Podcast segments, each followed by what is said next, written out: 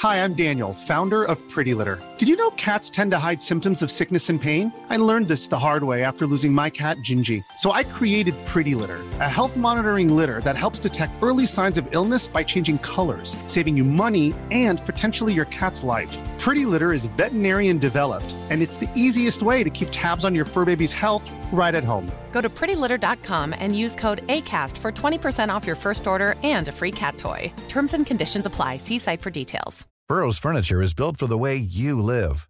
From ensuring easy assembly and disassembly to honoring highly requested new colors for their award-winning seating, they always have their customers in mind. Their modular seating is made out of durable materials to last and grow with you. And with Burrow, you always get fast, free shipping. Get up to 60% off during Burrow's Memorial Day sale at burrow.com slash ACAST. That's burrow.com slash ACAST. burrow.com slash ACAST. Hiring for your small business? If you're not looking for professionals on LinkedIn, you're looking in the wrong place. That's like looking for your car keys in a fish tank. LinkedIn helps you hire professionals you can't find anywhere else, even those who aren't actively searching for a new job but might be open to the perfect role. In a given month, over 70% of LinkedIn users don't even visit other leading job sites. So start looking in the right place. With LinkedIn, you can hire professionals like a professional. Post your free job on linkedin.com slash people today.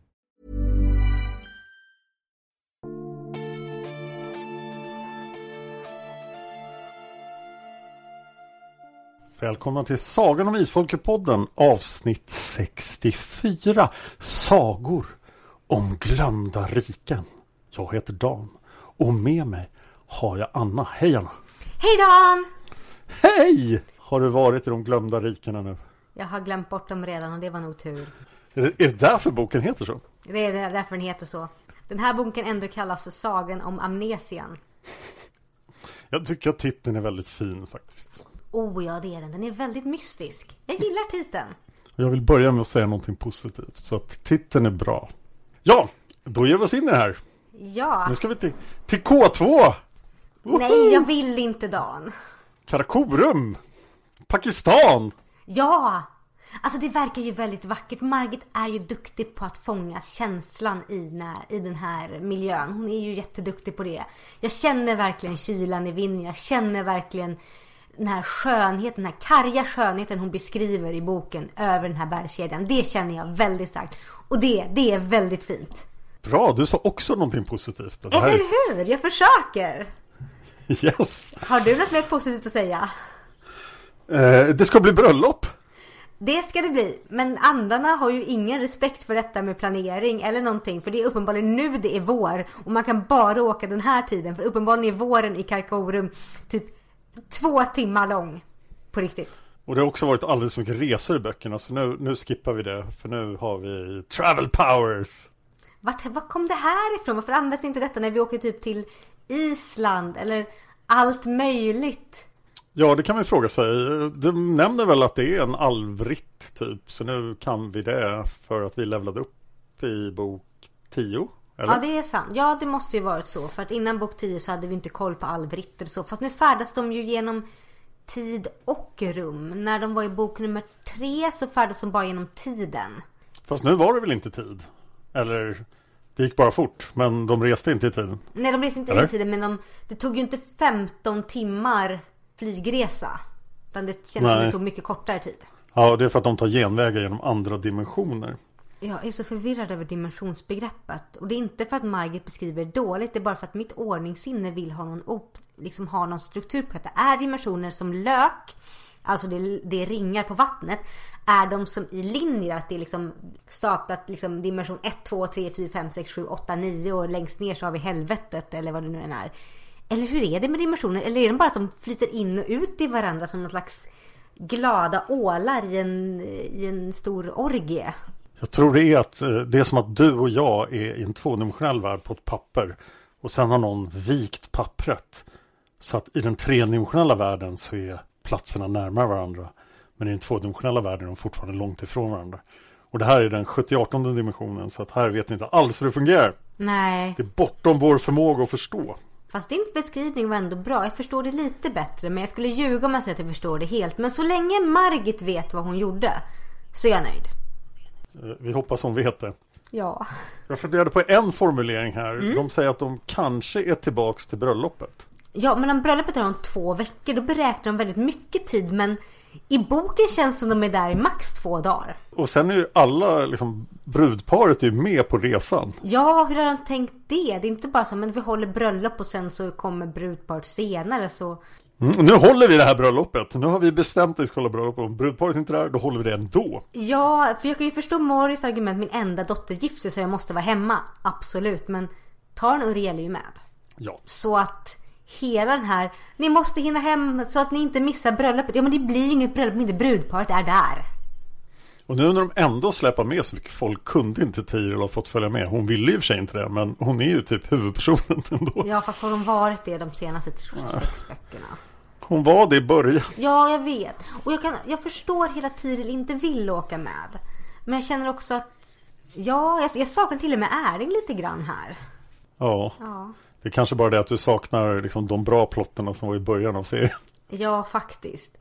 För hur jag än vänder och vrider på den här boken så fångar den mig inte alls. Jag, jag var tvungen att börja om, jag var tvungen att läsa om flera sidor.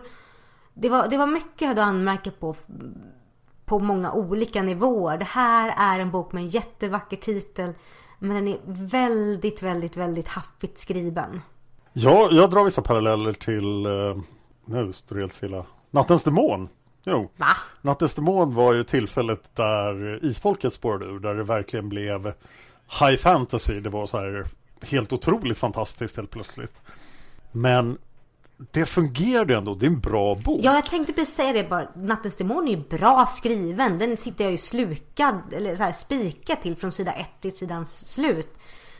Men den här boken funkar inte.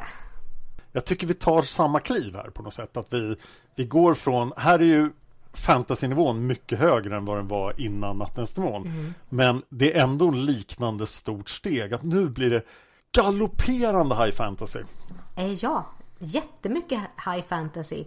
Men jag tror skillnaden här är att ett, det är väldigt många huvudpersoner. Två, det är så otroligt overpowered hela tiden. Och tre, det här är inte en bra skriven bok. Jag är ledsen Margit, men det här är inte en av dina starkaste böcker. Nej, det, det är en sorglig röra. Men låt oss följa dem till Karakorum. Ja.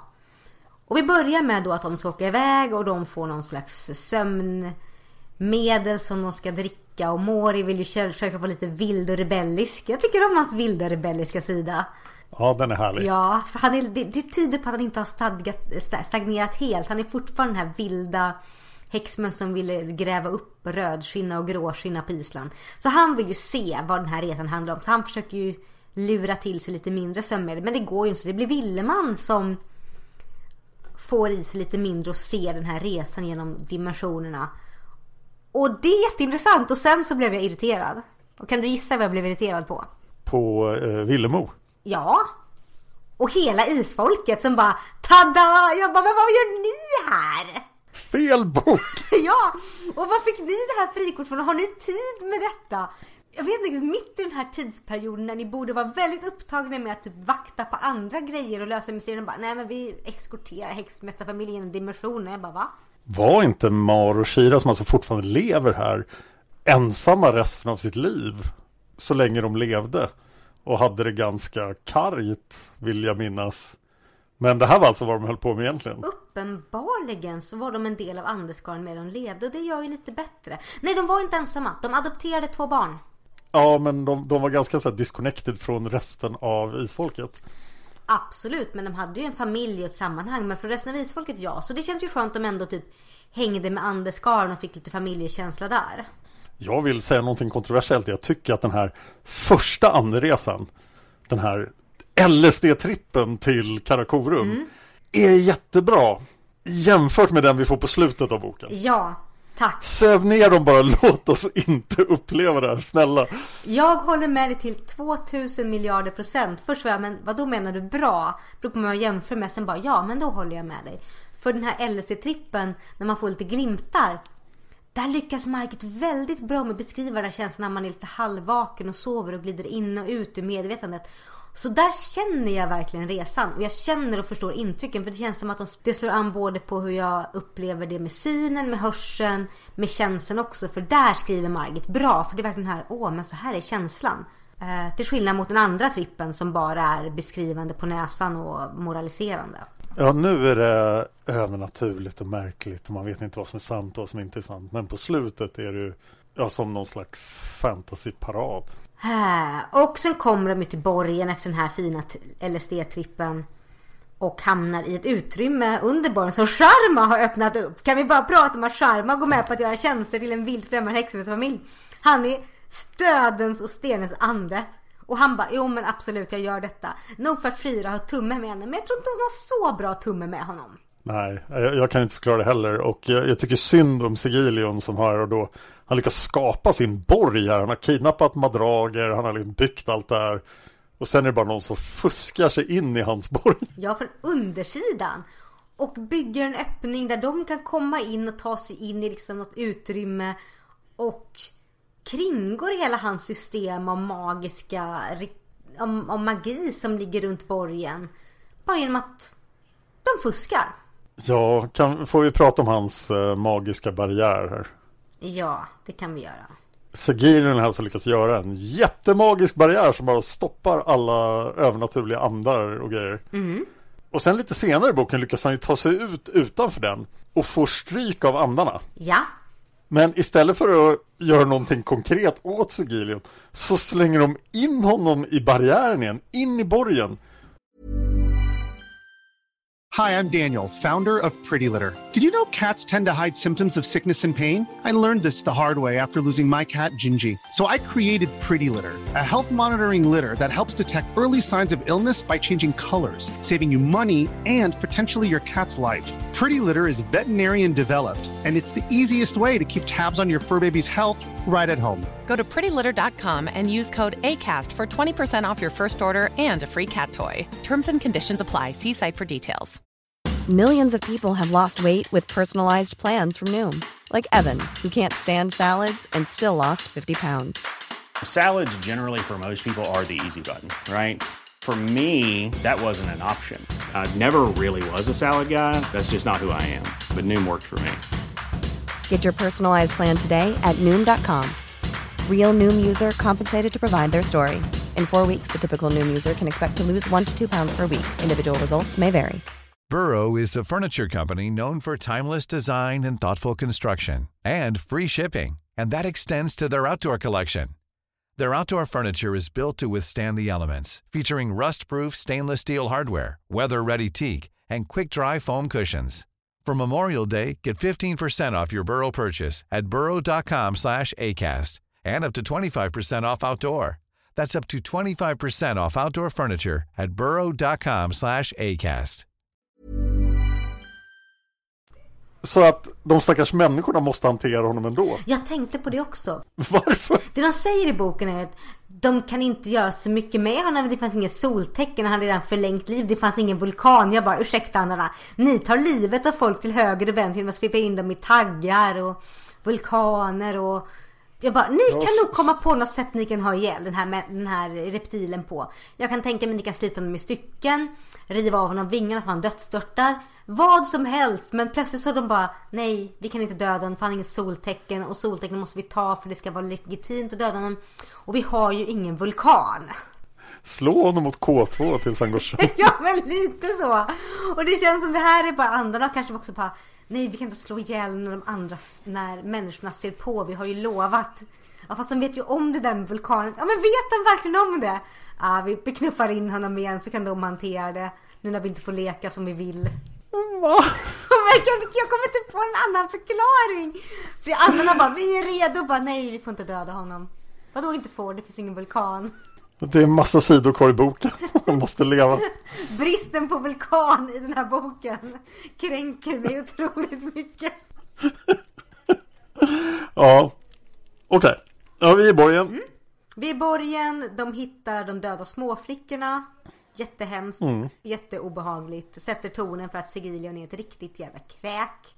Men det visste vi innan. Mm. De hittar de livsgivande växterna. Kul och roligt. Upptäcker att Sigilion är supersmart. Kanske. Ja. Eller är han det? Nej. Han har väl eh, använt madrager till allting som måste vara smart. Ja. Och det är också så här att de känns som att åh, han är smartare än vad vi tror. Nej, han är inte smart. Ja, men då så. Jag tycker det, de här tendenserna jag ska gå in på tidigare, de här tendenserna till att nedvärdera olika raser efter någon slags hierarkisystem baserat på hur mycket bling eller hur smarta de är i andevärlden eller spirituell form. Den börjar väldigt tidigt i boken och jag är väldigt, väldigt skeptisk redan. Jag är väldigt skeptisk. Ja, renrasiga lemurer och... Uh. Ja, och verkligen madragagerna är duktiga på praktiska saker. Men det räknas ju inte för vi lemurer har en stad av guld. Jag bara, ursäkta. Chilla mer narcissist bling-tendenser här. Nu får ni sitta ner i båten och lära er lite, lite människovärde eller lemurvärde eller madragvärde. Men den börjar tidigt det här för så fort de var fram till att jaha det var inte Sigilien som var smart. Ja men då, då kan vi ta honom. Jag bara men han sprutar fortfarande etter. Är en skicklig häxmästare och är tillräckligt hotfull för att ni ska dra med hela artilleriet hit. Men uppenbarligen om han inte är smart på det tekniska sättet då räknas han inte. Jag tycker ju att det var lovande ändå någonstans i början för att vi vet ju att Sigge är lite läskigare än, än den heliga solens orden i alla fall. Dan, en blomkruka är läskigare än heliga solens orden. ja, men sen jag tycker faktiskt Sigge har förlorat lite av sin läskighet här. Vi vet att hans Hans otroliga charm på kvinnor den funkar av någon anledning inte på kvinnorna som är med. Nope. För de har redan så här klarat av det. Och eh, han är mest patetisk i hela boken. Ja, jag funderar här vad Margit kunde gjort annorlunda. För han är ju frånvarande stora delar av boken. Och tror att det var ett väldigt medvetet drag av Margit. För att just för att han är inte tillräckligt skrämmande. Ja just det, det blir faktiskt läskigare för att han inte är där. Ja, men det är tillräckligt läskigt. Det hade varit läskigare om han var någonstans i borgen men de inte vet. Men nu vet de att de har lyckats tajma in dagen då han inte är hemma. Uppenbarligen. Mm. Och det är ju tur. Men jag hade hellre sett att ja, men han är någonstans i Bonn så ni måste verkligen vara superförsiktiga för han kan dyka upp när som helst. Det hade blivit lite grann som en skräckfilm. Och lite grann känslan som var i större delen av Eldens svärd. Även fast jag inte gillar den boken så var det lite läskigt att han var en krypande skugga och skräck tills man såg honom. Men som du säger, nu mm. så är han inte läskig. Nej, verkligen inte. Och han misslyckas ju till och med med sin plan att hitta en ny tjej nere i bondbyarna. Ja, för till och med de har överlistat honom. Ja, det är verkligen så här, nej men det, det går inte bra. Men jag får säga att jag uppskattar hur de tar sig fram i borgen. Hur de utforskar den steg för steg och verkligen tar reda på saker. Hittar madragerna genom att fira ner Villeman och de här kodlåsen. Jag gillar också när de delar upp det att Mori och Doll går ett håll och de andra går ett håll. Det gillar jag verkligen. Jag gillar minnenas sal också. Den tycker jag, den är fantastisk. Mm. Och det är ju spännande när de går runt i borgen. Ja, det är jättespännande. Jag sitter som på nålar. Tyvärr så sitter jag som på nålar ungefär tills att Mori och Doll blir överfallna och inser att jaha, det är yngel som är jättefega och ner och kan besegra dem. Och då känner jag bara att men, ja, men det hade kunnat bli så bra med sex stycken alltså minisiggisar. Som mm. snikade runt och var läskiga. Och nu bara, nej de är patetiska henchmen som typ, åh nej, inte vi, åh nej. Och jag bara, men, men, va? va? Men det, blir, det, det finns inte ens en chans här någonstans igen. nej, nej, så är det ju. Och eh, ja, vad hade kunnat vara annorlunda i borgen? Lite spännande när de hittar alla de här ödlegångarna och, och grottan. Att det är annorlunda, att det bara var en fasad, att det var en mänsklig borg. Ja, och det gillar jag. Och jag gillar också jag gillar de olika nivåerna och lagren i den här mytologin som kommer fram. Men jag gillar inte hela den här hierarkiska rangordningen som appliceras på allting. Ja, och sen är ju mytologin lite... Det märks ju att Margit har läst på om jordens tidsåldrar väldigt mycket. Efterordet är väl det mest avslöjande. Mm -hmm. Men de här har hängt med ganska länge. Alltså Segilions art har funnits med väldigt länge och och det här leder mig in på historiska hörnan. Oho, ska vi ha en sån?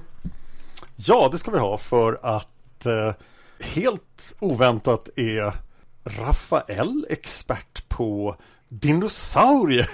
Och alla vet liksom, jaha, det är en Petoradon liksom. Och så kan de namnge en massa olika dinosaurier. Och det tänkte jag, men det kunde väl inte folk på 1700-talet? Så historiska hörnor idag kommer handla om hur vi upptäckte dinosaurierna, att de hade funnits. Spännande!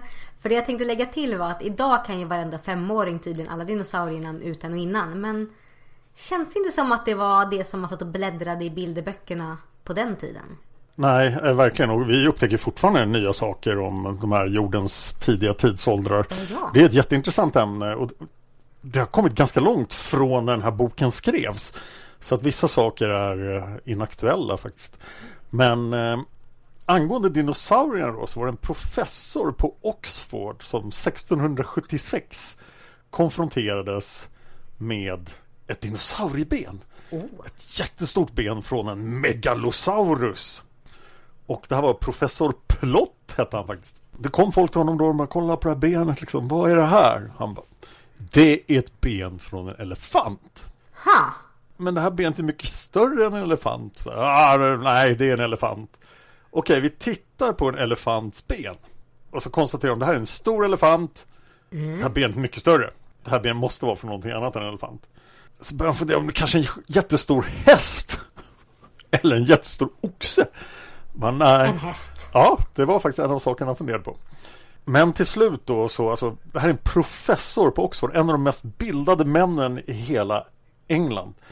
Han kommer fram till slutsatsen att ja, det här är uppenbarligen inte en elefant och jag är överbevisad.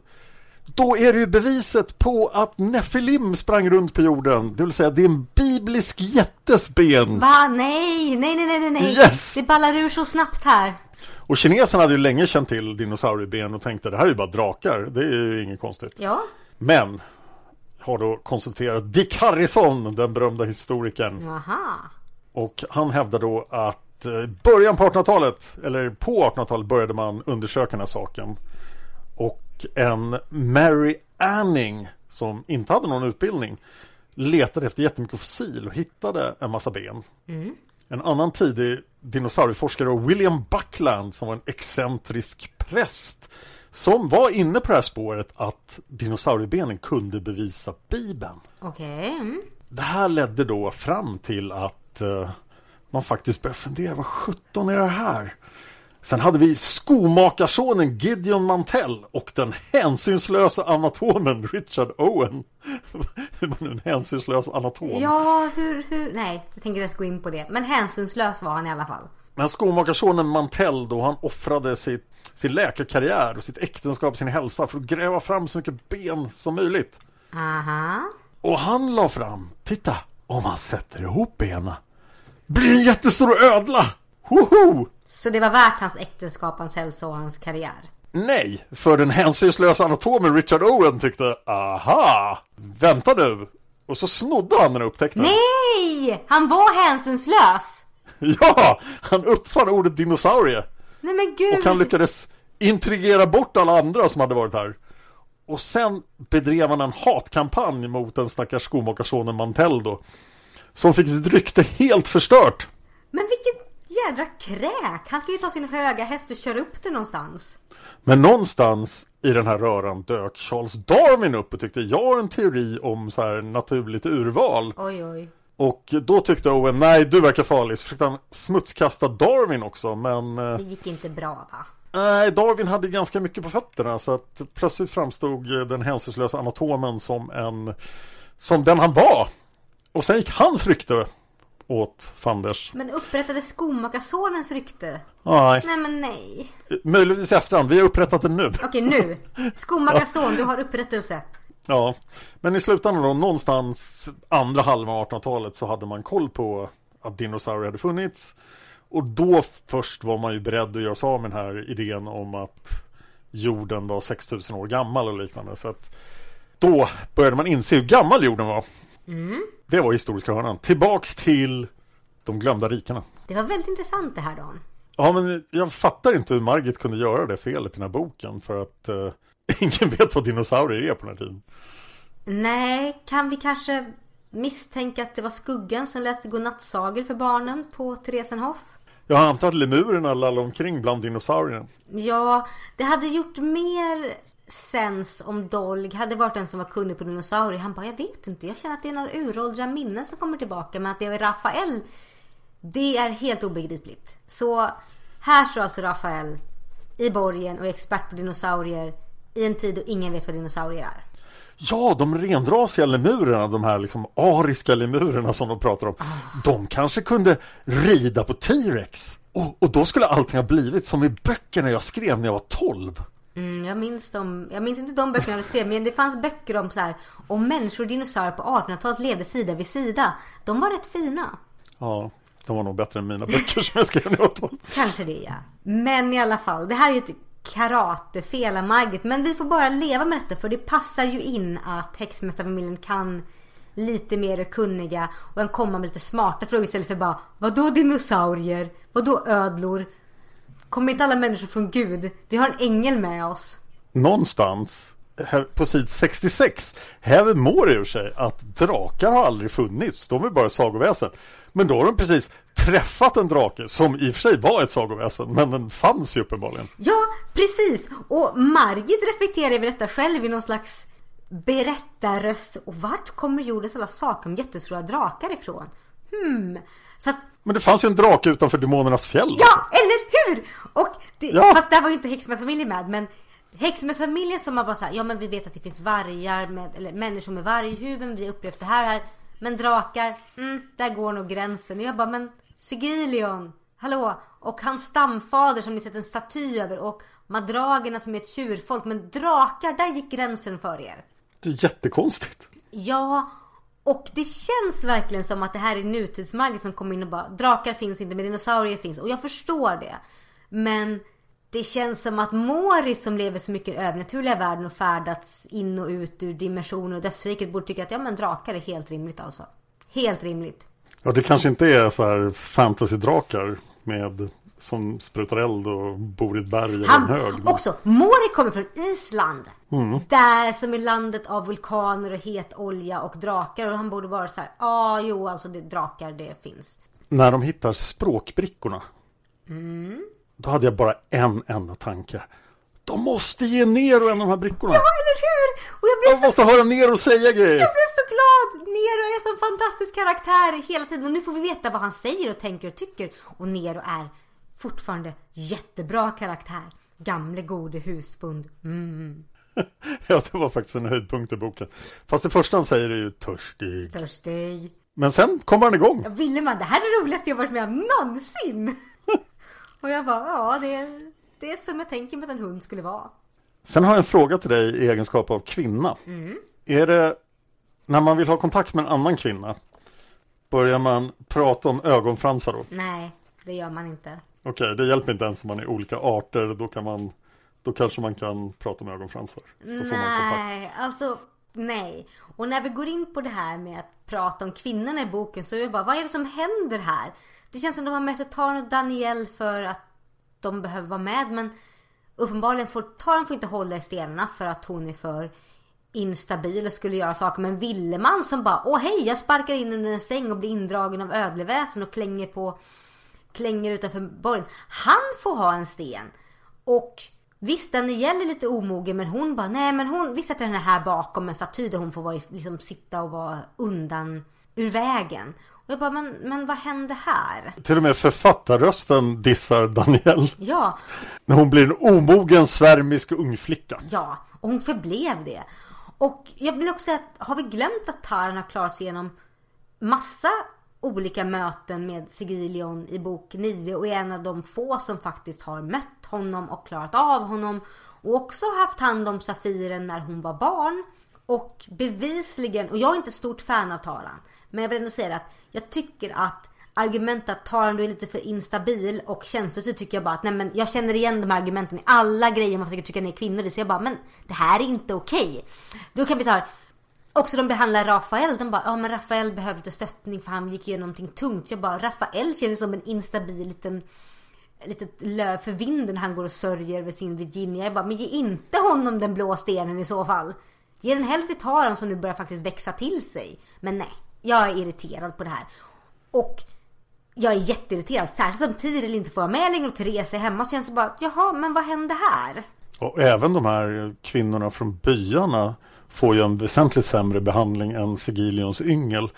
De har ju ingen agens överhuvudtaget. De bara Åh, vi är så kära. Så här, Åh, nu är vi inte kära längre för någon hjärntvättade oss. Så här, Åh, okej. Mm. Ja, nu försvann vi ur handling. Ja, men lite så. Och det känns som enda utrymme som Taran får det är att hon får vara liksom den här bitska backseat driven som fäller lite kommentarer som Mori får någon att liksom hugga tillbaka till eller så här utlysa lite så här replikskifte med som är lite kul och eldigt eftersom vare sig Villeman, Dolg eller Rafael kan ens få det att spraka till när det dialogen. För Villeman lite grann men det är bara för att han är rolig och glad men liksom tar han bara som en kommentatorsröst för att få lite utlopp för en kul dialog. Och jag gillar det inte alls. Jag gillar det inte alls överhuvudtaget. Det hade varit så mycket mer intressant om Taran fått ta stenen istället för Rafael. Någonting för att ge henne en egen agens och bevisa det. Sen som Uriel bara kom in och bara Uriel du är ren, ta Farangilen. Jag bara men han är ju ingift. Varför fick han så mycket cred och utrymme helt plötsligt? Han är ju väldigt tillbakalutad i och för sig den här. Ja, säger han ens typ mer än två saker? Han är ju bara så här. Jag är blond och skrämmande uppenbarligen. Betyder det här att förutom Villemo så är det en kvinna med, med mest handlingskraft i hela boken Misa? Ja, det är korrekt. Ja, och hon är ändå så här. Jag är olyckligt kär och eh, jag är yngst. Jag behöver skydd. Ja, jag är överlag besviken på hur kvinnor framställs i den här boken. Ja, verkligen. För man tänker på madragerna så är det en, en är den smarte, en är den starke, en är ledaren och en är bruden. Ja, men exakt så. Exakt sådan. Det är ju fantastiska fyran typ. Ja, exakt så. Ja. Förutom att Misa verkligen säger åh men vi måste skydda henne. Jag bara, men jag tror inte att Misa behöver, ja men, ha, okej. Och det är så också så självklart, såklart att kvinnor boundar om kläder och ögonfransar istället för bara, aha men vad, det, det, det finns ju andra grejer man kan bounda över. Så. Intressantast av maragerna tycker jag är Tam som boundar med Nero supermycket. Ja, det var Det charmigt. är jättecharmigt. Men ja, Och ja, vad ska vi gå någonstans? Vi kan ta madragernas här, sagostund. Ja, som bara blir större och större. För det ska skuggan komma in, uppenbarligen skuggan jätte, jätte, jätte, jätte, jätte högt upp så att... Och sen ska andarna komma in. Och sen ska väktarna komma in. Och sen föreslår Wilhelm att isfolket ska komma in. Och där säger jag bara nej! Och tack och lov så kommer inte isfolket in för då har jag blivit irriterad. Det känns verkligen som en rollspelskampanj som har spårat ur. Det är så här Eh, för ja. mycket trådar. Och spelarna bara, ja just det, de måste vara med också. Ja men alla som bara, men vi hade ju gästspel här och spelaren bara, ja men kom med in. Ja men du får också med. Du var ju gästspelare i den här, den här delen av kampanjen. Och alla ska vara med och höra nu om madragernas historia. Och Dan, vad tycker vi om den här historien? Ja, den fungerar väl. Vi bodde på slätten, vi var ensamma. Fyra av oss var äventyrare. Det råkade vara vi fyra och vi var ute och äventyrade och alla gånger gick det bra utom den här. Sen gick vi upp i bergen, oj oj, och så kom Segilion. Och sen sov alla i 20 miljoner år. Ja, och också det här att, just det. Att eh, de skulle rädda den här fåglarna från de ögonlösa drakarna. Och Ja, va? Ja, och de också blev så här. Och vi var själviska och vi var hemska varelser. Jag bara, vadå varelser? Ja, ni snodde fåglar. Ja, vi, vi skäms så mycket. Och de stackars fåglarna var tvungna att gå igenom på grund av oss. Jag bara, okej. De här fåglarna de här fåglarna är förresten med en fantastiskt bra BBC-dokumentär som heter Walking with Beasts. Oh, den har jag också sett. Ja, där är de här fåglarna med i första avsnittet. Så jag, jag såg dem verkligen framför mig där. Ja. Men det, det Madragen är ju någon slags kanal för Margits research här. För nu har hon läst väldigt mycket saker om gamla tidsåldrar. Ja, och jag stör mig inte så mycket på researchen men jag tycker det, det är rätt trevligt. Liksom Margit har byggt upp den här tidsåldersvärlden. Och det är mysigt och trevligt. Jag stör mig mer på det här madragernas goda drag att de måste rädda djur och då blir de relaterbara. Jag bara, men... Hä? Va? Jag gillar ändå Madragerna. Jag tycker de var det, det mest positiva som fanns i borgen. Oh ja, jag älskar madragerna. Jag älskar hur de är och att de är så lugna och stillsamma. Och jag älskar att de faktiskt har lite personlighet. I alla fall en av dem. Två av dem kanske. Men nu måste jag prata om skuggan. Nej! Det här mysteriet har ju dragit ut jättelångt. Och, och skuggan får inte säga någonting. Men han så får han säga någonting och så Nej. får han inte säga någonting. Och så, och så i början av boken så pratar han jättehögtravande och sen är han plötsligt typ tonåring och är så här med alla. Han kallar alltså sitt minne för de stora världarnas bok. Han har hybris. Hybris Dan! Ja, typ, kommer du ihåg det här? Bara, ja, jag ska söka i de stora världarnas bok. Eh, om man jämför hans mysterium, vem är skuggan? Med då vandraren i isfolket. Och vandraren. Som jag ju var- saknar vandraren. Jättebra uppbyggt och det var en jättebra reveal när liksom, Åh, det är du som är vandraren, oj!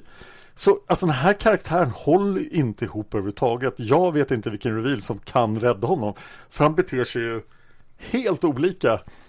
Från, inte bara från bok till bok utan från scen till scen. Ja men precis, ena sidan Jag är högtravande och eder stund är och kommen till Ja men nu ska vi alltså typ bli lite bundis och snacka modern slang med varandra. Jag bara men, men det, vad, vad händer här skuggan? Fast vi får ju reda på nu att han De listar ut att han är en Ja, en lemur fast inte renrasig.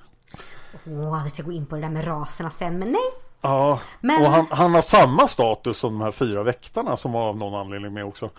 Ja, Men han är ändå lite mer upphöjd och kan allt det han kan. jag, jag tror problemet jag har med skuggan här jämfört med vandraren är att vandraren, kring vandraren så fanns en tydlig det fanns en tydlig tråd. Ett, han var av isfolket. Det var uppenbart. Han var av isfolket. Vi visste bara inte vart och vem han var. Och sedan fick vi fler och fler ledtrådar tills Vettle lurade ut det själv. Att ja men du måste, det måste vara du som är den här personen. Ja jo, ja, kan, eller det måste vara, du måste vara relaterad till den här personen. Ja men det stämmer. Och sen den stora revealen som tog mig på liksom oj shit är det han? Men här har vi inte fått någon hint om vem skuggan kan tänkas vara. Vi har ingen story eller uppbyggnad eller någonting. Vi vet bara att skuggan är den som kommer och hjälper till. Men ingen i, ingen i häxmässan har hellre brytt sig om att försöka luska i. Men ditt namn och finns det någonting som tyder på att du är Alltså vi vet inte vem han är. Vi har inte fått någon detalj, personlig detalj om honom. Så han är bara inte, han är en... Nej, Och ingen verkar riktigt bry sig heller om vem man är. nej. Alltså andarna har inga funderingar. Så, ja, han hänger med oss här. Och... Han har alltid varit här. Och vi litar på honom. Men är det någon som har tagit ID på honom? Nej, nej. Är det någon som vet att man ens är typ... Alltså är han en snäll snubbe? Nej, vi tänkte att han alltid varit här. Sen hade ju vandraren vett att vara tyst för det mesta. Ja. Men, men skuggan pratar ju i sina ja, x antal olika röster. Ja. Pratar väldigt mycket, har väldigt konstiga åsikter. Det pendlar blir högtravande. Så mycket att det känns som man kvävs till att bli lite buskis. Ja, jag tycker inte han håller ihop alls. Alltså, andarna i alla fall tydligt definierade. Jag är ande över här, jag gör så här. Men skuggan är liksom det plotten behöver att han är ungefär. Ja men lite så och jag hade ju helst sett den plotten fylldes av att läromästaren kom in och var lite så här lite rolig för att han har ändå en slags annan ton och han och Mår känner varandra. Men nu så, ah, jag vet inte riktigt. Och eftersom vi inte fått någon hint om vem skuggan kan vara eller vem han är eller också med häxan inte riktigt bryr sig. De bara, ja, men han är alltid här. Så bryr inte jag mig så mycket om skuggan heller i det här skedet. Alls. Jag blir mest bara irriterad på honom. Ja, det kan jag bara hålla med om. Har en annan sak som stack ut väldigt mycket. Nej, vi, vi har ju nu vant oss i den här serien att de har ett jättestort övertag mot alla. De har alla de andarna och isfolket och så vidare. Men på sid 203 då så plötsligt är en pistol ett alldeles för stort övertag. Bara, Nej! Vi kan använda liksom de förbjudna gallrarna och vi kan använda en massa andar och Men, allt det här. Men nej, inte, inte pistolen, det går inte. nej, och jag tycker det är lite fint att Margit någonstans reflekterar att det är lite dubbelmoral och det inser allihopa att de har med sig en pistol och att de inte ska skada någon. Men att Margit själv reflekterar att ja, det är lite dubbelmoral det här. Men också att en enda kula, jag bara känner så här, ja men okej, hörni. Häxmästarfamiljen. Jag förstår att ni vill vara snälla men ett, de här människorna i orden har försökt döda er. Sigilion har försökt döda er. Ni åker till en borg för att befria madragerna. Där ni inte andebeskydd alls. Där endast en av er, och det är Dolg, har maximalt skydd. Ni andra kan bli shish kebab på två ralla sekunder. Är det någon gång ni ska ha med lite vapen så är det faktiskt nu. Typ så. Och madragerna beskrevs som välbeväpnade men Sen hade de ju då stenåldersgrejer kändes som i vapenväg. Ja, men just pistolen. Och att det var, det känns som att det varit en lång diskussion så att, men ska vi ha med oss en pistol? Och Willeman bara, jo men alltså pistol. Och de andra bara, nej vad tänker du? Ska vi döda oskyldiga? Och Taran kan bara bli så alltså Sigilion är inte en snäll varelse men jag håller med ingen pistol. Och det blir väldigt, väldigt skevt och det är därför jag känner att andarna kanske också blir så här, ja, vi har ju ingen vulkan. Och de sa ju att de bara tog med sig en kula med pistol så vi kan inte slita den med stycken här och nu. Vi har ju ingen vulkan. Attans. Så de bara, vi sparkar in honom igen. Så får han, så får häxmästarfamiljen ta hand om honom. För jag menar, de har ju en kula i pistolen. Och Sigilion har jätteskarpa klor, tänder och eh, frätande syra. Ja, men eh, ja, vi har ju ändå den blå stenen så att allting är safe. Eller farangilen vi kan ta fram när som helst som ja, gör Sigilion till damm. Ja. För den här, så fort de liksom hittar madragerna och lyckas låsa upp dörrarna så går ju allting i den här boken väldigt snabbt. De befriar madragerna, de får historien och de lyckas liksom, de låser upp hela borgen bokstavligt talat. Mm. Och jag försöker att hålla fast med den här känslan av att ja men Sigilion är skrämmande och det här, de är hans spår, de vet när han kan komma tillbaka men jag känner inte den rätta känslan. Och det som det skapar i mig är en frustration för att de tar så lång tid på sig med allting. Vet vad jag hade velat sett? Nej, vadå? Nu kom. De nämnde i förbigående att någon av de här kvinnorna hade kommit ut någon gång. Mm. Och om det hade funnits en av kvinnorna Alltså om Sigilion hade varit läskigare Mm. och så hade det funnits en kvinna som fick se de döda kvinnorna. Ah, Och så hade hon ändrat åsikt. Och så hade hon hjälpt dem. Det hade varit mycket mer intressant. Alltså Dan, det hade varit fantastiskt intressant att bara så här. Det hade varit så intressant om, om de stött på det här rummet där Sigilion hade- höll på att liksom balsamera den kvinnan han blivit trött på. De andra kvinnorna bara, nej men gud det är det här som kommer hända oss. Och hon var ju hans favorit. Och vi trodde att, oj, och det här är vad som väntar oss. Nej nu jädrar att de liksom verkligen hjälpte dem med allting och att blev liksom, fick en agenda, någonting som hände med dem. Det hade varit så mycket mer intressant. De blev bara hjärntvättade till att sluta tycka det de tyckte för det var obekvämt. Ja. Och inte någonting mer och inte någonting om så här. Nej.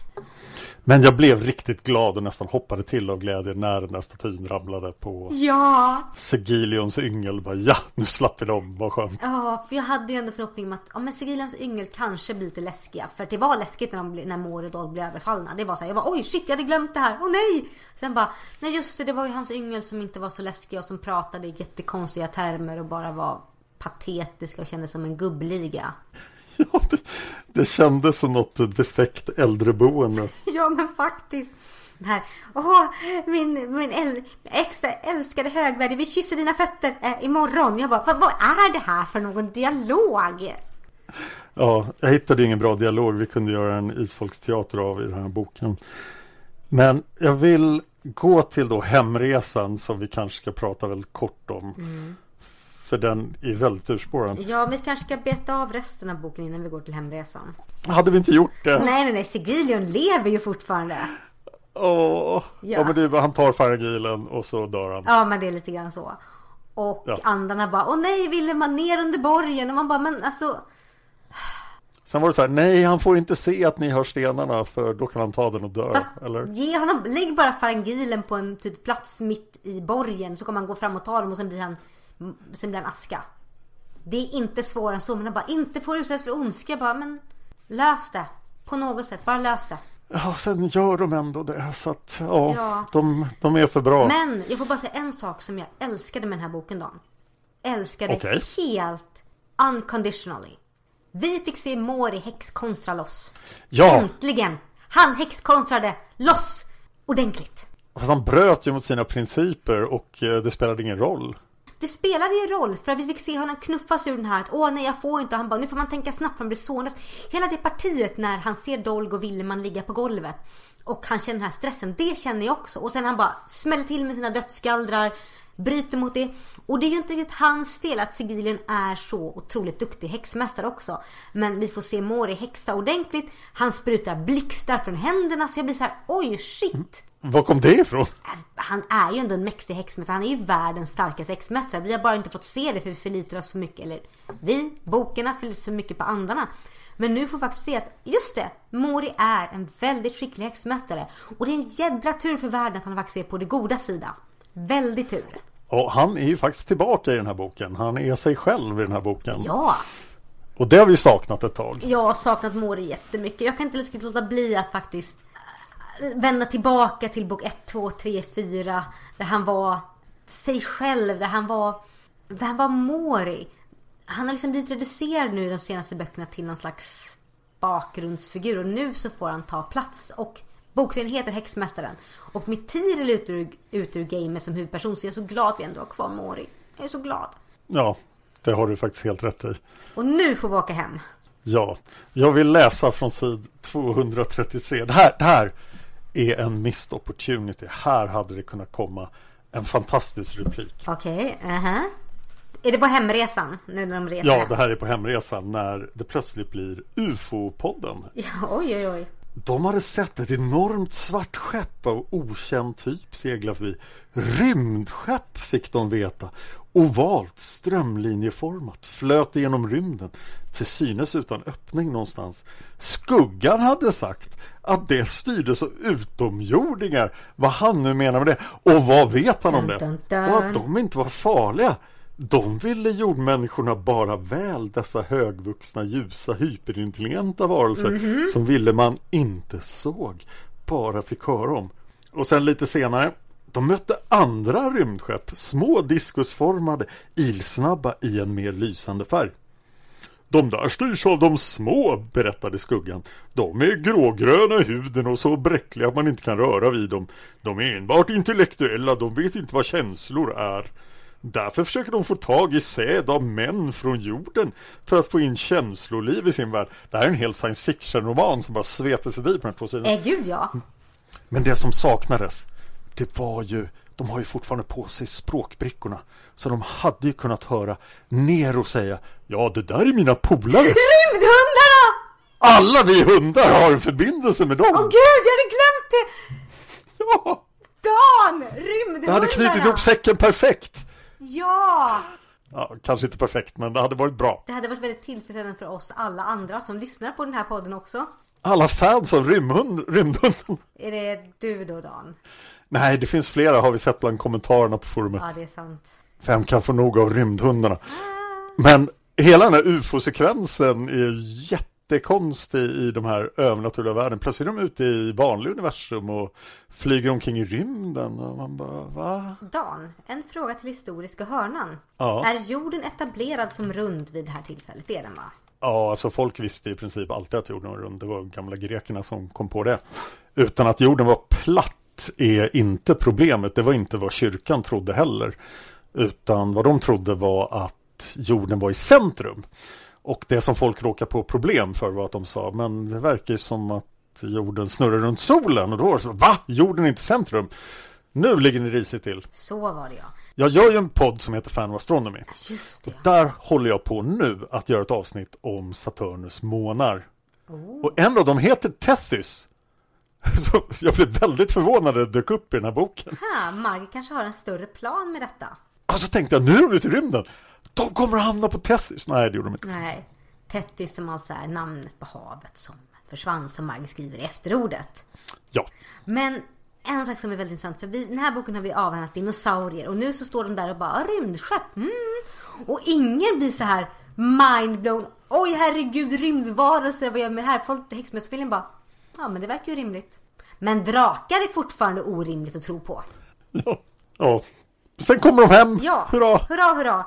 Men jag vill cirkla tillbaka till det här med rasdiskussionen nu då, för nu är jag irriterad. Ja, bra. Så, vi har alltså forntiden.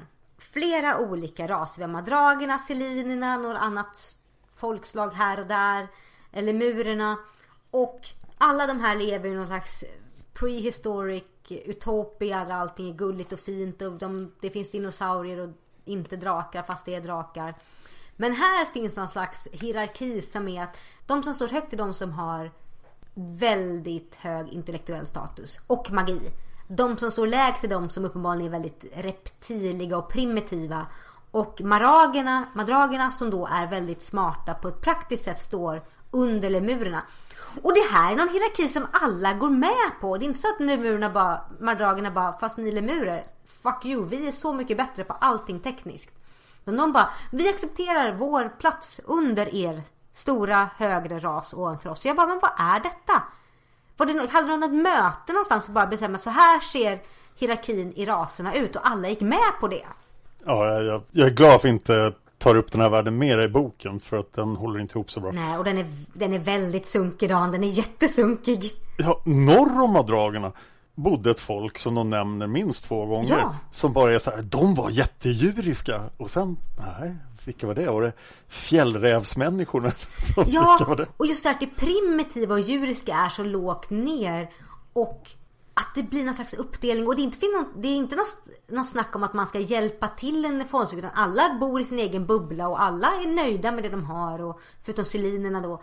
Det känns att Sigilien faktiskt hade en poäng med att nej men alltså jag vill ha solen och stenarna för jag vill ha längre liv också. För att de har mer magi och då har de högre status.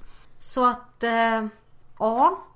Jag säger inte att Sigilor hade en poäng, för det hade han definitivt inte. Jag säger bara hela den här med att alla accepterar sin plats som i skomakare blir vid din läst och alla accepterar att det finns folk över dem är väldigt, väldigt sunkigt. Ja, och det gick ju tydligen fel för allihop för att alla har ju, lemurerna har smitit och eh, resten har dött ut.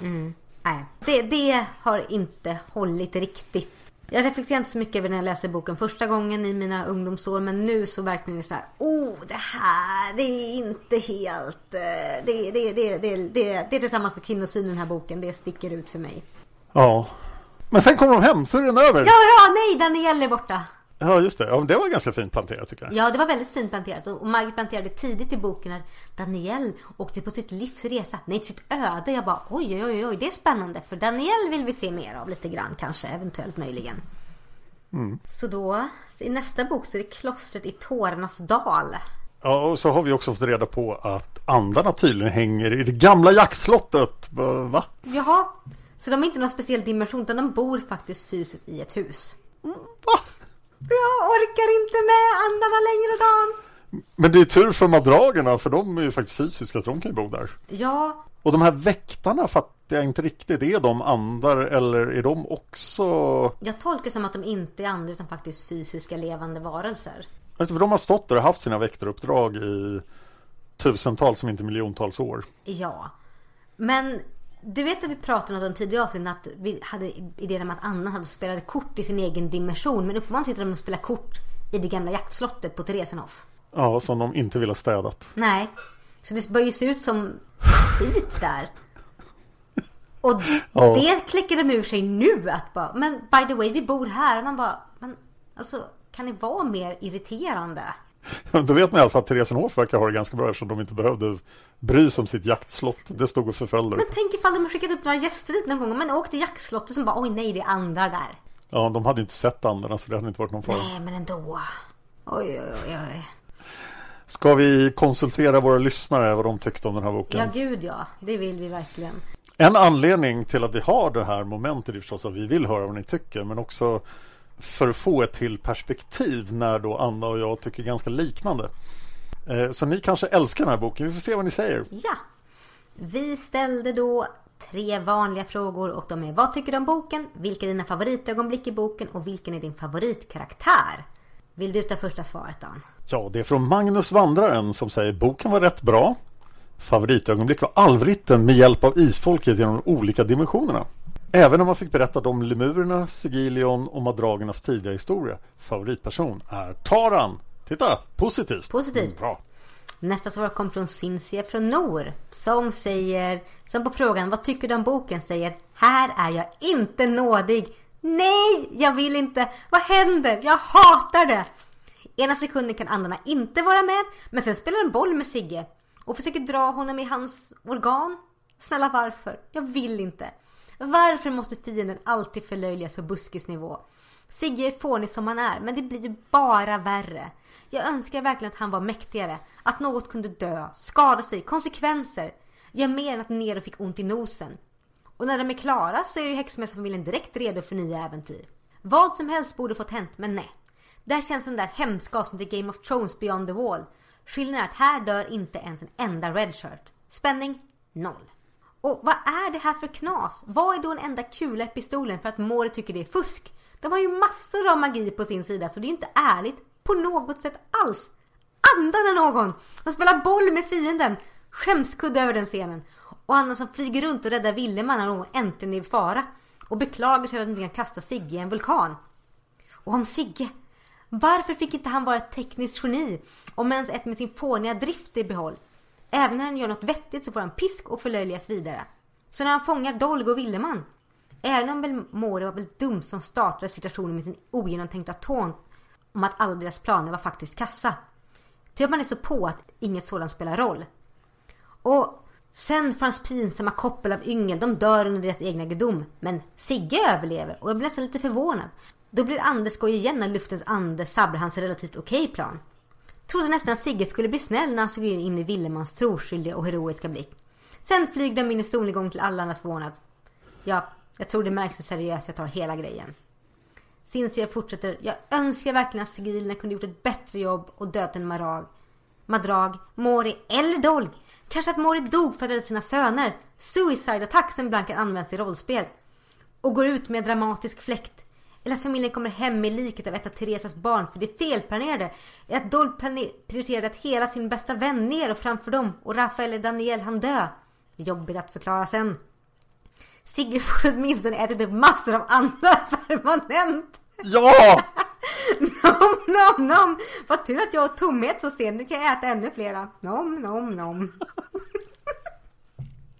Cinzia fortsätter. Nej men nej. Farangilen blir använd och dess nedsmutsande är så antiklimax och Uriel och Rafael gör den ren i en bisats. Tänk om den permanent slocknade ännu mer. Skulle karaktären anledning att inte använda den till höger och vänster. Dock kul att Rafael fick hålla Safiren ett tag. Och sen går miljoner år, uråldriga tjuvfolk etc.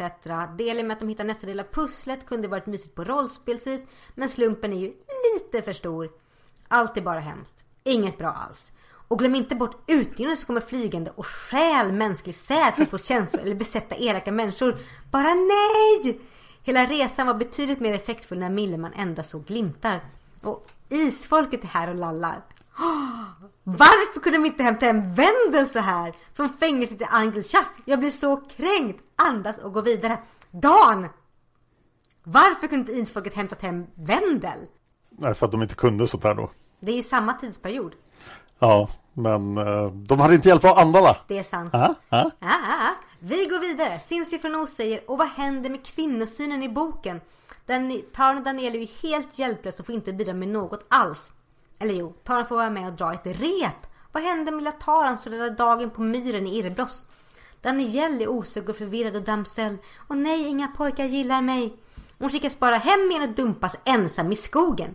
Med tydliga hinder på att hon inte kommer hitta hem utan problem.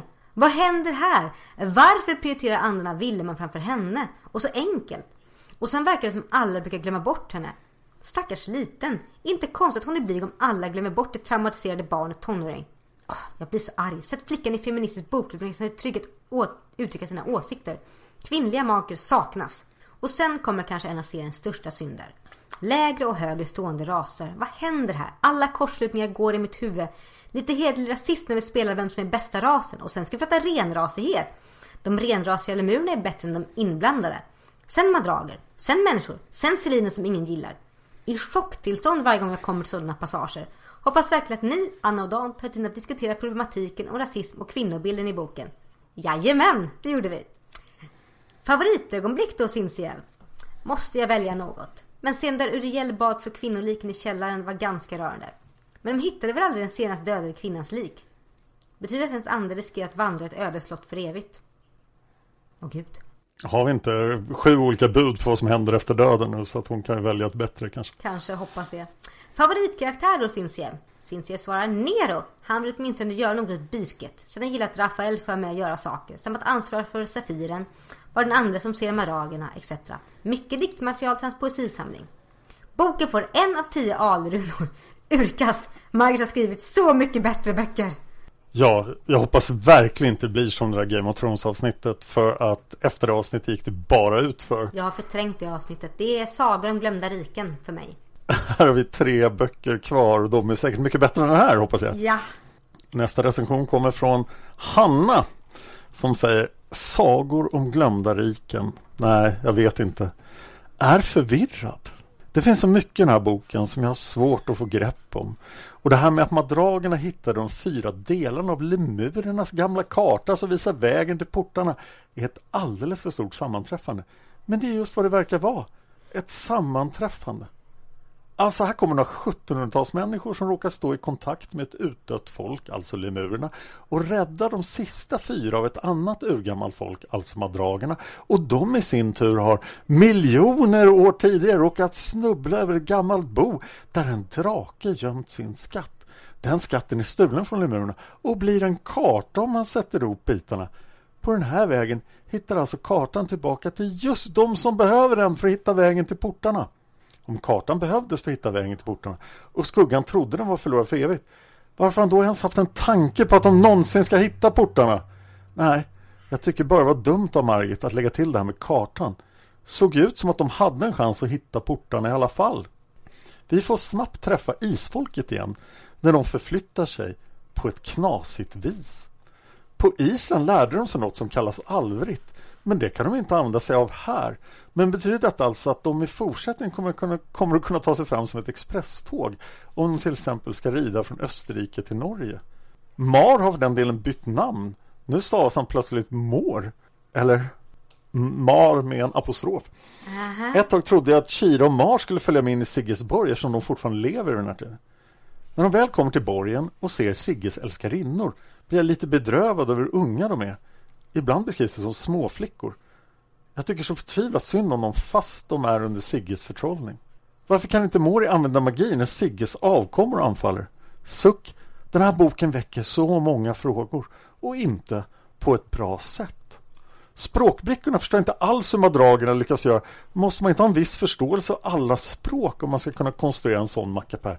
Deras teknologi verkar mer som trolldom om den kommit från till exempel utomjordingar och inte ett uråldrigt folk som suttit inspärrad utan någon som helst kännedom om världens utveckling, då hade jag kanske kunnat köpa det. Och varför måste madragerna fortsätta äta den där växten för evigt liv? De kan väl bara fortsätta åldras som alla andra? Den här boken lärde mig ett nytt ord. Firfisierögonbryn. Firfislerögonbryn. Det måste jag också använda mig av någon gång. Ja, det ska bli mitt nya favoritord också. Det ska inte bli mitt. Skuggan berättar att när Sigge lyckades ta sig in i templet med lemurernas heliga stenar så varade intrånget bara en tusendels sekund. Hur snabba var egentligen de där lemurväktarna som lyckades bort Sigge? Kanske vi får svar på det när vi når ljusets rike. Längtar by the way. Så har vi det här med Sigges sexdrift. Nej. Om man är en sådan könsdriven varelse finner jag konstigt att han bara ger sig på honkön. Att honor är av en annan art bekommer honom inte och inte har han sex av enbart reproduktionsskäl heller. Nog tänker han någon gång på att han vill bygga upp sin art men han snörpte sönerna och dödade döttrarna. Sen att han överhuvudtaget kan få barn med människor är å andra sidan ologiskt. Hur kan man utmåla ett helt folk som osympatiska och onda som selinerna? Medan madragen och lemurerna är ädla och goda. Usch, jag gillar absolut inte det här. I slutet av Eldsvärdet får Uriel Sigge att glömma. Men det har Margit själv glömt bort. För han verkar komma ihåg allt från den boken. Taran, hennes bror som äger en blå safiren etc. Vägen in till Sigges region är låst för våra äventyrare eftersom han tvingat madragen att konstruera ett kodlås. Men koden skapar han själv, men helt plötsligt vet madragerna koden. Jag önskar att Sigge fick visa upp lite intelligens som jag fått för mig att han faktiskt har efter att vi först fick stifta bekantskap med honom i eldsvärdet. Men icke. Sigge är bara dum och kåt. Sigges enda lykt i kapitel 19.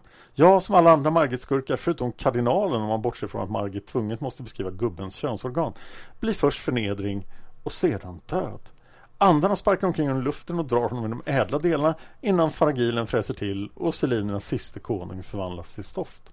hela den här grejen om på vilket sätt de färdas på fram och tillbaka till Siggesborg. Jag fattar ingenting, men det kanske är meningen. Jag vet inte. Och så när de ska hem, då passar det bra att vara vakna. Va? Det var ju så farligt på ditresan. Och de ser utomjordingar.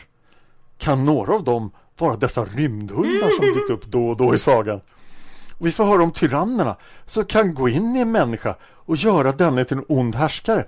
Så då kan inte mänskligheten någonsin vara ond eftersom vi kan skylla allt på utomjordingar. Vad Tengel onde? En utomjording! Åh nej. Åh gud nej. Under hemresan påpekar Dominika att de inte har hunden med sig den här gången. Men borde inte isfolket veta att Nero och Daniel har passerat tidigare eftersom det tydligen bara är isfolket som tar dem igenom några speciella dimensioner utanför tiden eller vad, nu, vad det nu är för någonting. Alltså deras hemresa diggade inte. Så det var Sagor om glömda riken. En väldigt förvirrad bok. Favoritögonblick. När Villeman firas ner för att kika in genom fönstret till madragernas fängelse. Och då de befriar dem. Själv är jag vansinnigt höjdrädd. Favoritkaraktär. Mori. Även fast han som mästerlig häxmästare inte kan få fram en enda galder då Dolge är i fara. Mhm. Nästa svar kommer från Ursula Horn som säger Problemet för mig med den här boken är att jag inte riktigt bryr mig om vad som händer eller om någon av de inblandade. Okej, jag skulle väl bli ledsen om det hände någon av våra gamla vänner något men det känns inte som att det någonsin är någon fara för det. Jag kan ju börja med något positivt för resten av mina åsikter är mest griniga. Jag gillade verkligen hur perspektivet skiftade till Tiril och Teresa när de andra skulle få andarna. Andra skulle få hjälp av andarna att ge sig av. Ett riktigt effektivt utifrån perspektiv som ger mer sagoskimmer och levande magi än något annat ögonblick i boken.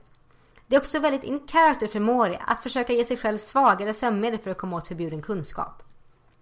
Väldigt många av händelserna i boken känns kryssade. Andarna känns som någon slags konstiga lärare, chefer, föräldrar eller andra auktoritetsfigurer som då och då slumpmässigt bestämmer sig för att Nej men nu är det dags för en lärorik upplevelse, nu får de klara sig själva. Men utan rimligt sammanhang annat än att de tycker det verkade bra. Och de verkar gripa in igen när de tröttnat på att inget blir gjort ordentligt. Och deras märkliga inställning smittade av sig på Mori i incidenten med pistolen som Cinzia från Nord nämnde. Det är också väldigt mycket Hen förstod att det måste vara så här, där folk listar ut hur saker ligger till utan att det alls är rimligt att det skulle vara den självklara saken att tänka, utan att det behövs för berättelsen. Typ som när Villeman bara fattar till madragen försöker förmedla honom med koden till dörren som stänger dem inne. De tre madragerna är lite charmiga men mest tråkiga. Jag mår lite illa av hur kvinnan av dem beskrivs. Jaha, hon är kvinna. Självklart måste hon bonda med talen om kvinnosaker, typ kläder. Jag har generellt ett förvirrat förhållande till Margits syn på kvinnorollen. För ibland får hon verkligen till poänger som går förlorade hos andra författare och det generella om en kvinnlig karaktär ska vara häftig måste hon se ner på allt kvinnligt kodat. Men ibland slår det bara fel. Jag påminner mig för tusende gånger om att böckerna är gamla. I alla fall, jag har ingen känslomässig koppling till madragerna alls och deras långa historia om deras tidigare liv som busfränk glider liksom bara förbi med det jag väntar på något jag faktiskt kommer bry mig om. När Kår börjar berättelsen med Jag ska inte tråka ut det med detaljer, sa jag. För sent, rakt ut i luften. Jag är helt lost bland lemurer och ödlor och sidor som inte känner mig motiverad att hänga med i. Det är också spännande hur hjältegruppen har ett skrämmande överväxt och kallt skrå genom sitt människokärlek. Jag tycker det kommer tillbaka ofta. Dra runt i Europa och kidnappa barn som de skulle tycka passar bättre hos dem. Såvida de inte råkar vara groomade offer för övergrepp. Förlåt, jag menar såklart slampiga, onda varelser som är förstörda som vi får höra alldeles för mycket om i den här boken där alla tycks ha synd om stackars, stackars Rafael. Han och Daniel är de två tidigare barnen som familjen bestämt sig för att de skulle ta med sig. Och även om han blivit upptagen som en riktig medlem i gänget så är allas inställning till Daniel fortfarande väldigt nedlåtande och förminskande. I alla fall. Deras kallsinniga tro på sin egen överlägsenhet syns väldigt bra så fort de pratar om de kvinnor som Sigrid har kidnappat från byarna. De refereras som, till som söta, naiva, exotiska varelser. Ett ord som känns väldigt avhum avhumaniserande, särskilt i sammanhanget. Och deras egen agens är totalt ointressant. De är oförstående och rädda. De blir mindwipe och magiskt lugnande och vänligt lämnade hemma är förresten dumpade i någon random by. De klarar sig säkert. Scenen är lite som när någon slänger ut en sommarkatt i naturen och säger att den säkert kommer hitta möss eller något. Men framförallt inte bryr sig särskilt mycket om. Allra tydligast blir det i det här citatet. Ingen önskade rått slakta ner dessa oskyldiga kvinnor, även om det kanske hade varit det mest humana. Jämför med att typ dränka kattungar så har vi lite samma känsla. Med den skillnaden att ingen hjälte i en Sandemo-bok någonsin skulle säga något sånt om något djur. Isfolket dyker upp och jag är mest spänd och obekväm när de är på scenen. Man vill liksom aldrig att det ska hända något totalt orimligt och out of character. Det mesta var dock rätt lugnt den här gången. Det som var allra mest out of character var väl att Trond nämndes utan ett ord om det 30-åriga kriget. Jag gillar att den verkar dödat Sigge totalt. Ett tag såg det ut som man skulle lyckas fly undan som en typisk skurk som pro produktionsteamet tänkt anmäla sig av resten av säsongen. Jag tycker mycket bättre om när skurkar är avklarade efter att de blir besegrade.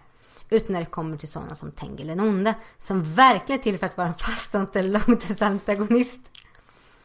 Jag gillade rymdskepp som gled förbi. Vid det här laget kan vad som helst få hända så länge distraherar mig från lemurer och magiska nycklar. Så jag typ bara halvt fattade var nya, inte samma gamla demonstatyet. Eller? Jag gillade jaktslottet, det var så oväntat. Liksom, oh vilken mystisk dimension bor ni i? Alltså nej, vi är faktiskt grannar och har flyttat in när vi har bort lador typ. Jag gillade också odlingarna. Jag lyssnade på boken Mina pysslar med mina tomatplantor. Hade det varit mer växter och mindre varelser hade det kunnat bli en favoritbok. Nu nämner den mig mest med en mångbottnad känsla av okej, okay, men måste ni? Tack ändå Dan och Anna för att ni släpar mig igenom denna bokserie. Oh, varsågod. Tack för att ni hänger med oss.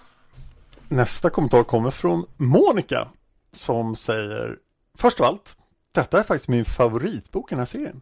Spännande historia om Dragnars skebne upphavet till Sigilion. Jag förstår inte de orden. Spännande tur genom dimensioner och hjälp av alla möjliga andar. Ja. Så till något som verkligen gör ont i själen. Ja. Här har Mangi, Margit som vanligt ett stort nöje i sin research. Hon har gjort ett stort fel. När det kommer till historien om madragerna och sabeltandade tigrar så kan hon omöjligtvis ha känt till det. Då namnet på det djuret blev uppfunnet 1840, alltså 100 år senare än handlingen i boken. Det är precis som, ja detsamma när det kommer till petrodonerna. Alltså flygödlorna, de blir inte namnsatta förrän 1870. Oj, oj, oj. De hittades 1870 och fick namnet 1871. Och fossilerna hittades i USA. Det är ett jättestort fel av Margit. Jag kan inte lägga det ifrån mig riktigt. De pratar om utdöda djur som ingen har hittat än. Allra minst då ungdomarna i gruppen som inte ens i framtiden har fått utbildning om de här djuren. Så till resten av boken. Den är spännande från första till sista sidan. Det är handling hela vägen och den är så bra skriven att jag befinner mig både på steppen och i ett mycket gammalt slott. Älskar översättningsbrickorna som dragen har. Helt i Star Trek-stil. Och det är det ju faktiskt, det är precis som i Star Trek. Ja. Och är jätteglad att de fäste en bricka på gode gamle Nero så att han också kan förstå vad de säger. Ja. Historien är så spännande som den kan vara i Margits böcker. Alla klarar sig bra, nästan då. Jag tycker att Daniel börjar bli en väldigt liten fröken som bara klagar och inte kan göra någonting. Och självklart går hon vilse i skogen. Fast trots att hon faktiskt ser Theresenhof när hon blir nedsläppt. Hur dum kan man bli? Allt i allt en väldigt bra bok som sagt. Mina favoriter, min favorit är alltid Taran. Men här är madragerna ännu bättre. Gillar de söta, lite stora och klumsiga tjurarna. Och till slut, jag väntar ivrigt på poddarna. Jag tycker jättemycket om den här podden och ser fram emot Ljusets rike. Och tack, ni gör ett fantastiskt jobb. Ja, Anna, Ljusets rike, vi ser fram emot det. Ja, eller nej. Ja! Kanske. Piu, piu, piu, piu. Ja, Ja, nu tar vi det lugnt. Nej, sn- Nästa svar kommer från Kol-Mia som är nyföding på forumet. Välkommen hit! välkommen! Kol-Mia säger först och främst Äntligen är jag i kapp. Hittade eran podd alldeles för sent och har inte kunnat resa mer. Hunnit med två omgångar i Sagan om Isfolket, en Häxmästaren, en Ljusets rike. Så fann jag er. Så då börjar vi om igen i januari. Det var sjukt kul att varma bok med eran podd. För varje gång man läser Margit upplever man något nytt spännande, nya positiva och negativa känslor. Och sen genom er ser man även andra detaljer med nya ögon på ett väldigt positivt sätt. Men nog om det. Jag minns Häxmästaren som toppen. Men nu när jag går igenom en gång till är den inte riktigt lika bra. I kapp så sent som bok 12 så jag ska inte babbla på för mycket om gammalt groll. Jag har alltid älskat Mori. Men kanske överlag, kanske överlag karaktärer som Tengel den gode, gode Kol Simon, Mori. Jag menar inte att de är lika fullt ut men de har en utstrålning som lyser igenom i Margits skrift och fångar en på direkten. Och där kom babblet igen. Denna bok är jag beredd att hålla med om många ovanstående negativa kommentarer, men samtidigt inte. För jag väljer att se bort från allt som inte är konsekvent, regler man glömt, hur lätt man kommer ut knipor och så vidare i denna bok. För denna bok talar till allt jag älskar med fantasy, övernaturligt och så vidare. Madragerna är mina absoluta favoriter. Bästa tillfället i boken är när Villeman hittar dem och sen allt från den stunden med madragerna. De klev rätt in i mitt hjärta redan första omgången jag läste och jag vet inte om jag kan förklara varför. De är så fina. Räcker det? Sen tycker jag om alla historier från förr. Madragernas resa som faktiskt slutar med att de blir fångade i x antal långa år. Så inget lyckligt slut för dem på sätt och vis eftersom de lider väldigt länge. Att vi får mer om lemurerna, Sigge och hans vänner och så vidare. Men som sagt, jag triggas av allt som inte finns på riktigt. Sämst i boken är kanske ändå Tågexpressen. Finns för många sätt att färdas på och jag känner mig rätt ointresserad. Ditresan med glimtar helt okej okay, och fint att Willeman fick se den resa målet tänkte sig själv. Önskar ett lite mäktigare slut för Sigge. Blir riktigt spännande när han var på G att ta Willeman. Men sen blir det OP, overpowered, igen för den goda fronten och en ovärdig död för fienden. Favoritkaraktärer i boken, alltid Nero som stående sådan och madragerna. Resterande frågor tror jag kan besvaras i ovanstående skrift. Kände mig lite hipp som hatt med mitt första inlägg. Jag har nog längtat för länge att få vara med så jag vet inte var jag ska börja. Hoppa in och stötta er hopp om att få lite se lite pew pew i ljusets rike med er. Pew pew! Dan! Men, säger Kolmia, det viktigaste. Tack för det ni gör. Ni är underbara Dan och Anna. Jag älskar verkligen upptäckten av att så många älskar Margit. Här har man gått och trott att man var ensam. Ser fram emot att höra er genomgång av bok 12. Ha det fint så länge, Mia. Tack så jättemycket Mia och välkommen in i gemenskapen. Jättekul att du har hittat oss och är med nu. Ja. Det är otroligt att vi har hållit på med det här i fem år faktiskt. Ja, ah, gud. Vi behöver hitta en hobby. Jag tror att det här är vår hobby. Ja, sant. Det sista inlägget kommer från Silje Angrimsdatter som säger vad tyckte du om boken? Detta är virkligt icke min favoritbok i serien. Jag är väldigt enig i många av de negativa kommentarerna som andra, alla andra har kommit med. En sak som irriterar speciellt mycket är hur Danielle blir behandlad både från Margit och karaktärernas sida. Hon har förtjänat bättre. Och lika irriterande hur de här olika raserna blir rangordnade. Att de är så mycket bättre högstående än de andra. Grr! Vilka är dina favoritögonblick i boken? När Villeman befriar madragerna och när han glimtvis får uppleva resan till Sigilions rike. Jag gillar faktiskt det lilla inslaget med isfolket här men inte så mycket på resan hem. Hela hemresan är rörig och märklig. Det är också härligt när vi och karaktärerna får inblick i Neros tankar. Jag köper inte det här helt med språkbrickorna. Det är lite för bekvämt och inte särskilt trovärdigt att madragerna ska ha uppfunnit något sånt. Men madragernas historia är största del spännande och intressant. Favoritkaraktär? Jag tror nog att det blir Villeman i den här boken. Och till slut vill jag önska Kol Mia välkommen till forumet och podden. Jag är så enig med det du skriver här. Och så citerar hon när Kol Mia sa Jag har alltid älskat Mori. Ja, kanske överlag karaktärer som Tengil Gode, Kol Simon, Mori. Jag menar inte att de är lika fullt ut, men de har någon utstrålning som lyser igenom i Margits skrift och fångar en på direkten. Mm. Och det var alla svar vi fått. Tack så jättemycket. Ja. Och det är så kul att ni har så mycket olika åsikter som skiljer sig från vad vi tycker. För det är det som gör den här podden så kul. Att inte bara jag och Dan, du och jag, de sitter och babblar. Utan faktiskt att vi får in era åsikter också. Ja, det är verkligen jätteviktigt. Jag tror inte vi hade pallat så här länge om, om det bara hade varit du och jag. Nej, gud. Jag tror vi hade blivit jättetrötta på våra egna röster. Men det är inte bara du och jag. Utan vi har ett stort antal lyssnare som har visat sitt stöd på Patreon. Ja. Och vi är för närvarande över 100 dollarsgränsen på Patreon. Woho! Tack så jättemycket! Och du vet vad det innebär Dan? Pew, pew, pew, ja, vi ska till Pew Pew Pew. Vi åker till ljusets rike. Om det håller i sig så åker vi till ljusets rike. Och där kommer att finnas skurkar som är riktigt mäktiga. Där finns det faktiskt riktig ondska. Som Sigilion inte skulle få putsa skorna på. Har Sigilion ens ett par skor? Ja, han putsar skor. Ah. Med ätter. oh. Men ja, så tack så jättemycket! Och vi ska säga tack till alla våra, de som stöttar oss på Patreon. Så ett stort tack till Anna Järedal, Mia Westerberg, Josefin Westman, Lisela Liselott Andersson, Virgi Harv, Mona Elisabeth Austad, Eidan L Rydhammer, Elin Lindqvist, Medain, Alva Lundström Ramirez, Ingrid Johansson, Julia Mason, Mystika Ferry, Eva Martinsson, Solveig Gudnadottir, Desiree Lindmark, Monica Nyhus, Magnus Rask, Marita Vio, Jess, Maria Andersson, Kristina Storm, Petronella Thorén, Hanna Naversjö och Karin Källström. Tack så jättemycket för att ni stöttar oss. Ni är fantastiska. Tack så otroligt mycket och eh, jag gör ju som jag säkert har skrivit om förut 14 poddar. Ingen har så många sponsorer på Patreon jämfört med mängden lyssnare som Isfolket har. Dessutom har ingen podd högre betyg på iTunes Woho! än vad den här podden har. Det är fantastiskt. Så glad för det. Då är vi klara med det här. Nästa avsnitt reser vi till klostret i Tårarnas dal. Men vart kan man hitta dig tills dess Dan? Man kan hitta mig på Instagram. Där jag heter Dan Hörning så är det lätt att hitta och där lägger jag upp diverse störande bilder från alla mina poddar och någon gång ibland lägger jag upp en bild från mitt liv också. Jag finns även på Twitter och där heter jag också Dan Hörning. Jag har en sida på Facebook som heter Dan Hörning författare och poddare. Också försöker ta upp allting jag gör.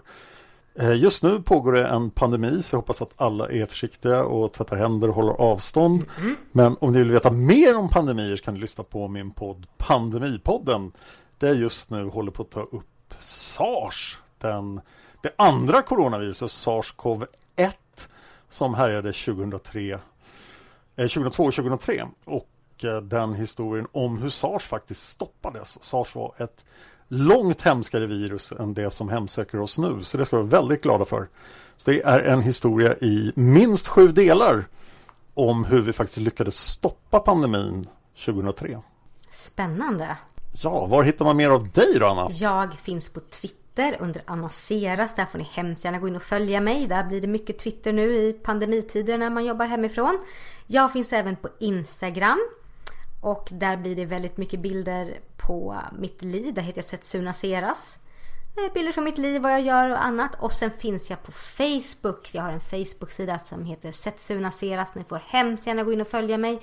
Där postar jag lite roliga bilder, artiklar jag skriver och framförallt saker från min blogg och även från olika podcasts. Som jag gör framförallt med Dan.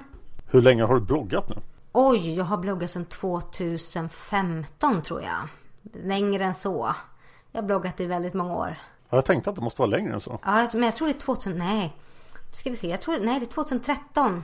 Ja, det var en grej långt innan vi började med den här podden. Ja, bloggen har nog alltid funnits där. Jag har flyttat min blogg lite till och från men sen 2008 har jag bloggat. Mm. Det är bra jobbat. Jag har drivit ett antal bloggar. Alla är nedlagda idag. Oj, oj, oj. Min blogg är up and live and kicking och jag har ett nytt blogginlägg som kommer ut någon gång i månaden i alla fall. Bra jobbat! Aha. Okej, kloster och grejer. Det är bara att börja läsa. Ja, Snart är vi tillbaka. ja och tack igen för allt ert stöd och för att ni följer med oss. Och lämna inte Patreon nu. Nej. Så att, så att jag får... För måste påminna, det här liksom, vi måste ligga på 100 dollar hela tiden för att vi ska fortsätta. Nej! Tänk om vi måste avbryta mitt i. Ja, taskigt läge då, då blir det inget mer pew pew. Nej, vi måste ha Pew Pew. Åh. Och nattsvarta rosor. Åh, jag älskar den boken. Åh, Åh. gud. Ah. Ja. Ja, jag ser faktiskt också fram emot det här. Mest för att jag inte kunnat läsa hela Ljusets rike för jag har väntat på att vi ska faktiskt komma dit. Mm, inte läsa i förväg. Men jag vet, jag, jag håller mig i skinnet. Ja, bra. Ja, ja, det kommer bli så bra. Det finns ingenting orimligt i ljusets rik. Absolut inte, allting är Nej, fullständigt det är helt realistiskt. Ja, det- Ljusets rike. All facts check out. Alltså ljusets rike får ju andarnas eh, vara eller icke vara fram som det mest logiska som hänt sen isglassen uppfanns. Spoiler. Det är inte så mycket spoiler. Ja, nej, nu har vi för roligt. ja. Ha det bra så ses vi i klostret i Tårarnas dal Dan. Det ser jag fram emot. Ha det bra. Hejdå!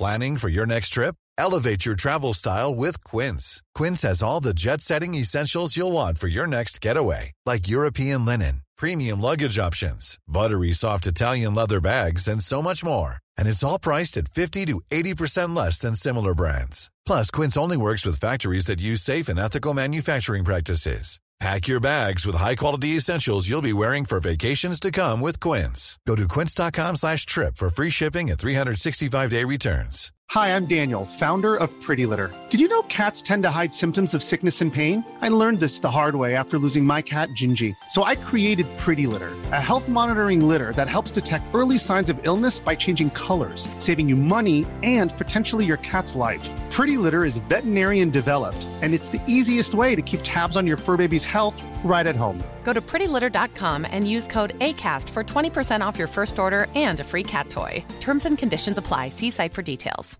Planning for your next trip? Elevate your travel style with Quince. Quince has all the jet setting essentials you'll want for your next getaway, like European linen, premium luggage options, buttery soft Italian leather bags, and so much more. And is all priced at 50 to 80% less than similar brands. Plus, Quince only works with factories that use safe and ethical manufacturing practices. Pack your bags with high-quality essentials you'll be wearing for vacations to come with Quince. Go to quince.com slash pack for free shipping and 365-day returns.